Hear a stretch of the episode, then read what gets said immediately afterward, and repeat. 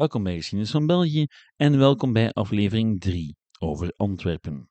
Vandaag zijn we getuigen van de ondergang van die stad. Wel, niet bepaald de ondergang, maar wel het einde van die fameuze Gouden Eeuw.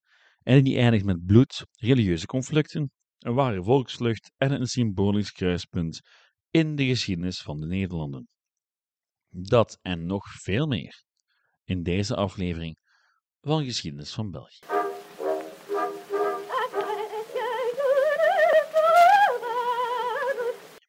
Vorige week eindigden we in 1576. Na jaren van vechten tegen de opstanding was het Spaanse leger in de problemen geraakt. En vreemd genoeg niet per se door toedoen van de tegenstander. Requesens, de opvolger van Alva, was een opmerkelijke, capabele generaal gebleken, die Oranje en Co. het vuur aan de scheen had weten te leggen. Niet alleen op militair vlak, maar ook als diplomaat. Requesens sloeg en zalfde. Een aanpak die vooral goed werkte in de zuidelijke Nederlanden.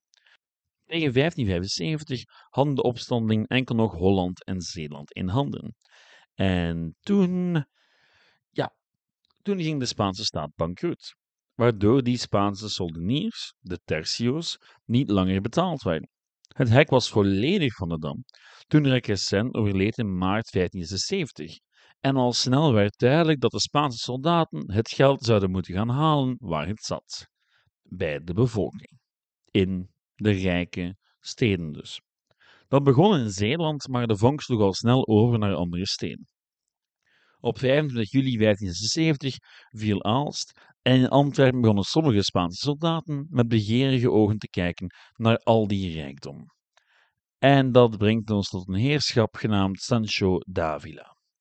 Ik heb hem nog niet bij naam genoemd, maar in werkelijkheid speelt hij al een hele tijd een rol in ons verhaal. Avila was bij aankomst van de Nederlanden immers het hoofd van de lijfwacht van Alva en door die laatste belast met de arrestatie van Egmond. Toen de opstand een oorlog werd, kreeg Avila een militair commando. Een commando dat hem geen windeieren legde. Want het was deze Avila die de Spaanse troepen aanvoerde bij de slag om de Mokerhei. U weet wel, de slag waarin twee broers van Willem van Oranje omkwamen bij een poging om Leiden te ontzetten over het land. Wel, die klevere jongen was in 1576 commandant van de citadel in Antwerpen en had geen plannen om zijn jongens te weerhouden van muiterij. Integendeel zelfs. Zolang hij zijn commando kon behouden, zou hij hen daarbij helpen. Hij zou hen zelfs leiden. Maar er was een probleem. In de stad waren ook Duitse huurlingen aanwezig en Waalse versterkingen, allen naar Antwerpen gestuurd om de explosieve situatie onder controle te houden. Davila probeerde de Duitse aanvoerder aan zijn kant te krijgen bij een drinkgelag en stuurde ondertussen ook bericht naar de muiters in de rest van de Lage Landen met een vriendelijk verzoek hem een handje toe te komen steken. De Antwerpenaren zagen de wolk al hangen en besloten om voor hun eigen veiligheid te zorgen, daar ze nog de Spanjaarden, nog de Duitsers, nog de Walen vertrouwden. Meer dan 10.000 Antwerpenaren wierpen primitieve verdedigingswerken op in de hoop hun stad te kunnen beschermen. En dit lijkt me het aangewezen moment om eventjes te wijzen op wat hier eigenlijk gaande was. Dit was namelijk geen onderdeel van de opstand. Het was in de stad de aan de koning getrouwe stadhouder, Frederik Perrenot, die de burgers leidde in hun poging de stad te verdedigen. Van Geuzen of van Oranje was er geen spoor te bekennen. Er waren enkel soldaten en burgers. Soldaten die in theorie aanwezig waren om die burgers te verdedigen. En net het omgekeerde zouden doen, onder leiding van een adellijke commandanten. In de loop van 3 november arriveerden de muiters uit Lier, Breda en Maastricht, en op de ochtend van de vierde deden die uit Haalst een intrede. Dat bracht de totale sterkte van de muiters op meer dan 10.000 man. Genoeg om Davila het nodige zelfvertrouwen te geven voor een aanval op de stad, die hij zogezegd beschermen moest. De Antwerpenaren probeerden bovenop hun geïmproviseerde omwalling de stormloop tegen te houden, maar de Spaanse overmacht bleek niet te stoppen. En ja, er werd wel degelijk gevochten, tot op de grote markt en het stadhuis toe. Zo stevig zelfs dat een groot deel van de binnenstad in vlammen opging. Wat volgde waren drie dagen van plundering, moord en verkrachting. Ondanks het verzet van burgers, Walen en Duitsers. Die laatsten, die Duitsers, zouden zelfs overlopen naar de kant van de muiters. Toen de stof eindelijk was gaan liggen, zouden er zo'n 7000 doden geteld worden en was heel wat van Antwerpens rijkdom weggevoerd. Nu, dat getal van die 7000, daar kunnen we over discussiëren. Het was lang de consensus, maar het is zowat onmogelijk om het getal te verifiëren. Wat we wel hebben, zijn getuigenissen en propaganda. En wat volgt is een voorbeeld van beiden. Vlak na de furie bijvoorbeeld verscheen een pamflet met volgende titel. Prachtige beschrijvingen van het innemen van Antwerpen en de van de onmenselijke en de gans gruwelijke moord, brand, plunderingen, ongehoorde vrouwenkracht en de maagdenschenderijen bij de Spanjaarden en haren aanhang den 4 november anno 1576 en de enige dagen daarna aldaar bedreven, gesteld door een die daar zelfs tegenwoordig geweest is. En dat is dan nog maar de titel. Het wordt er zeker niet gezelliger op. Nog een fragmentje. De vrouwen en de maagden werden met geweld verkracht. De vaders en de moeders werden vorstelijk gevangen, gedwongen haar dochteren uit die kloosters te halen en haar tussen twee Spanjaarden in een bedde te brengen. De link naar een scan van het pamflet kan u in de descriptie vinden. Het is het lezen waard, al zal u misschien wat moeten wennen aan het Middel-Nederlands. Nu goed, zoals u wel vermoeden kan, ging de Antwerpse furie een eigen leven leiden in de jaren die volgden. In die mate zelfs dat schrijvers die nog niet eens geboren waren in de tijden van de gebeurtenissen, heuse hekeldichten schreven. Dit bijvoorbeeld van Willem Gorter, dat aan het begin van de 17e eeuw neergepend werd, toen de Spaanse furie toch al eventjes geleden was. Maar goed, het is blijven bestaan en blijven klinken in de nalatenschap. Ik lees het eventjes voort. De moorddadigheid fel, gedenkt, o Nederlanden, van den Maranen boos, hoe zij hebben verbrand de stad Antwerpen schoon, stadhuis fraai, met een pand nog honderd toe, haar volk gebrochter schanden furien, vol van nijd, fatalen. Zeg ik van den helschen stinkende poel, vijnichtallen kan ik bid voor Heere God, doch dees tirannen band dit moedwillige spuis, want bloedig zijn hun handen, zij schorpioenen zijt, vervloekte dieren vreet die ons zoet vaderland. Dus brengt in zulken leed, in schijn der deugden vals, ontuchtig sodomiet en basilicus gebroed. Ge haat de werelddeur waar uw nest geschendt. Brabant kwam weer in fleur, gij verdient meer smaad dan ik u kan verwijten. En als dat nog niet genoeg is, dan bied ik u nog eentje aan uit dezelfde periode. Och Antwerpen, hoog verheven, hoe heeft u het geluk begeven? Doen gij raakt in het geweld van die u heeft neergeveld. Onder schijn van muiteneren ging den Spanjaard u op scheren. Meer oud nog was geschied, als men hier voor ogen ziet. Moorden, branden, hangen, braden, pijnigen met vrede daden, grauwelen en zwaar torment. Werd hier alles aangewend, dit laat een exempel wezen, die den Spanjaard niet vrezen, maar hem wenschen hier, t land door volkomen onverstand. De Spaanse furie mag dan wel een totale ramp geweest zijn voor de Antwerpse bevolking, maar dat op zich betekende niet het einde van de Gouden Eeuw. Integendeel, het luidde een politieke revolutie in, waarbij de steden van de Lage Landen zich massaal aan de kant van de opstandelingen schaarden. Op 8 november Slechts enkele dagen na de plundering van Antwerpen werd de pacificatie van Gent gesloten. Maar wat stond er eigenlijk in dat verdrag? Wel, kort samengevat betekende dat de zuidelijke Nederlanden zich officieel aansloten bij de opstand. Niet zomaar enkele steden, maar de officiële vertegenwoordigingsorgaan van die provincies. Tegelijkertijd werden er ook duidelijke eisen in de richting van de vorst verwoord. Ten eerste moesten alle Spaanse troepen de Nederlanden verlaten. Ten tweede zouden Staten-Generaal vanaf dan op eigen initiatief bij elkaar komen en niet enkel op vraag van de vorst. Ten derde moest er amnestie komen voor de opstandelingen. Ten vierde moesten alle oude privileges en rechten hersteld worden. Ten vijfde zouden de Nederlandse edelen de Nederlanden moeten besturen.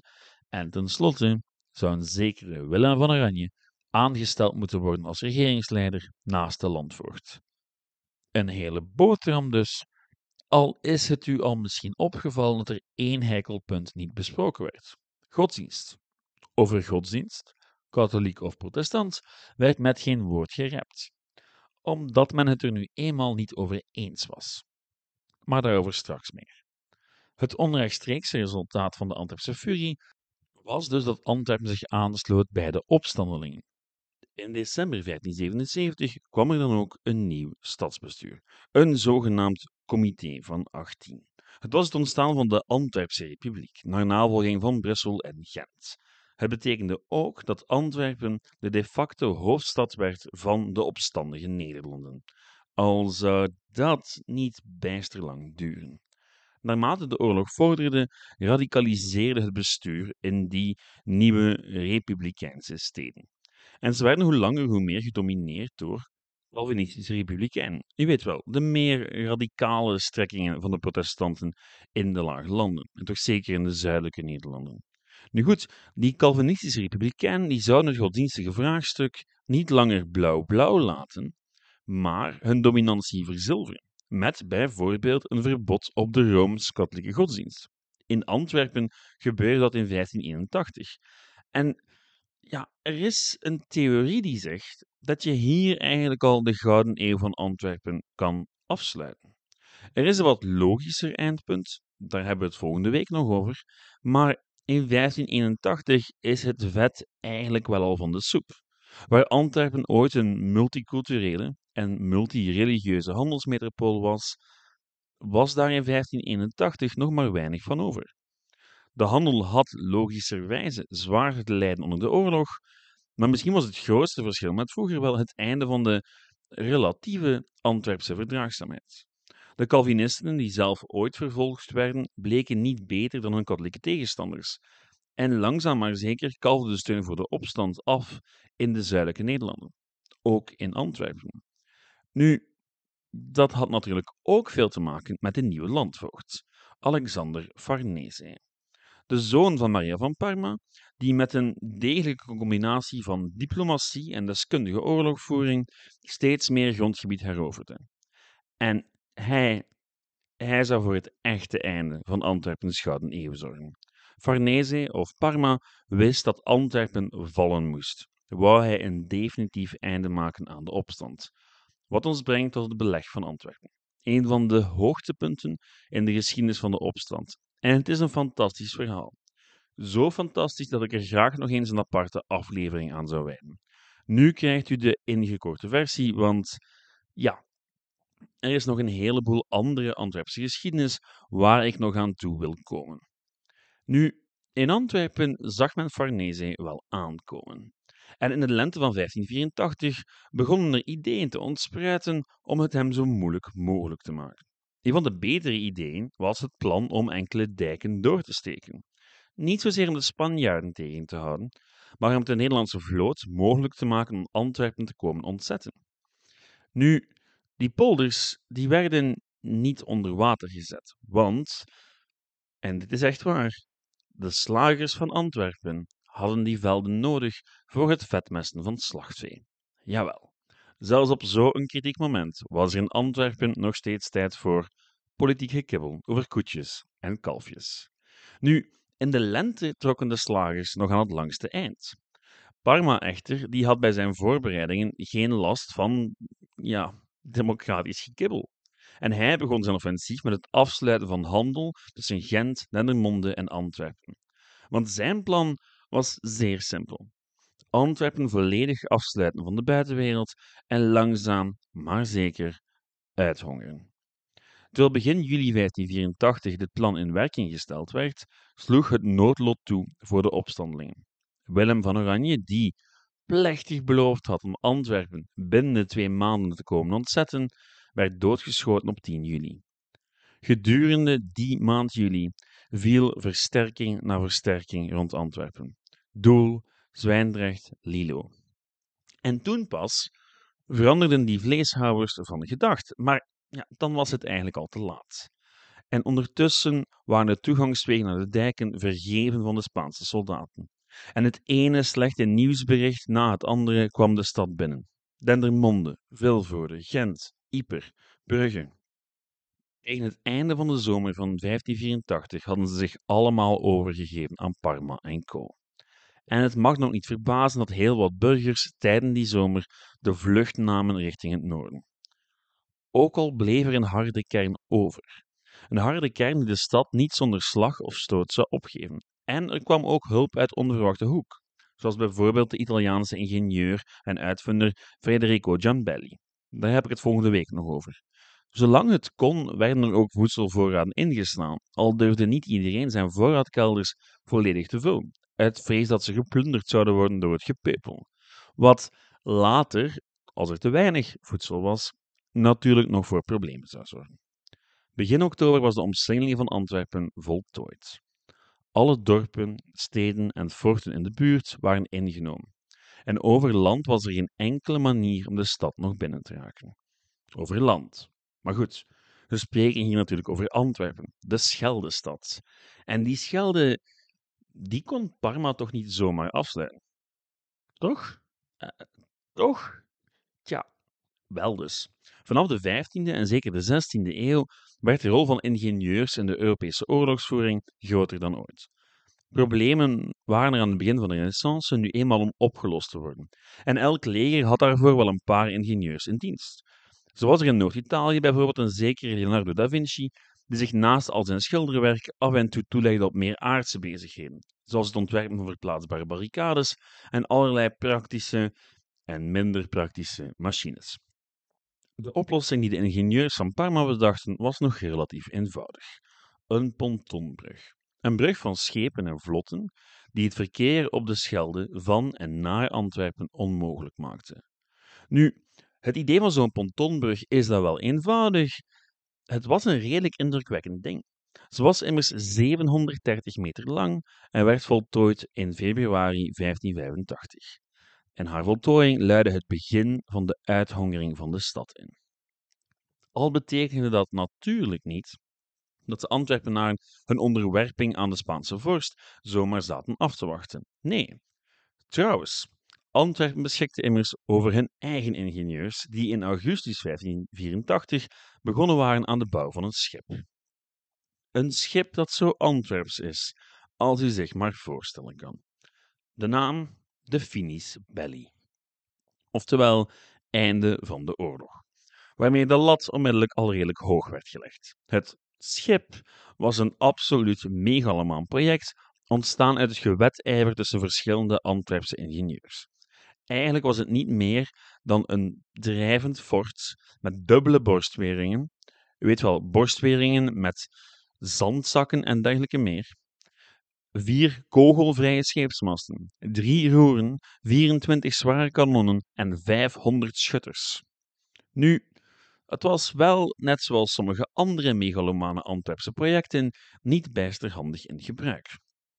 Tijdens de waterlating al bleek het schip veel te diep in het water te liggen, waardoor men een heleboel gewicht weg moest nemen om het überhaupt te kunnen laten drijven. Maar goed, met Parma's brug was de nood hoog en dus besloot men een uitval te wagen met het zogezegd onverwoestbare schip, de Finis Belli. Alle andere pogingen om de pontonbrug aan te vallen waren tegen dan hopeloos mislukt, zowel aanvallen met schepen of met geïmproviseerde mijnen. Op 25 mei 1585 voer het schip richting de brug. En bleek het totaal onbestuurbaar. Het strandde zonder ooit maar in de buurt van de brug gekomen te zijn. Nadat de bemanning het schip ontvluchtte, werd het uiteindelijk buitgemaakt door de Spanjaarden. Die roofden al het kostbare geschut en sloopten de rest voor brandhout. Of hoe de olifant een muis paarde. Goed, volgende week gaan we hiermee verder. Het spijt mij dat ik het hier moet afsluiten, maar mijn tijd voor deze week zit erop.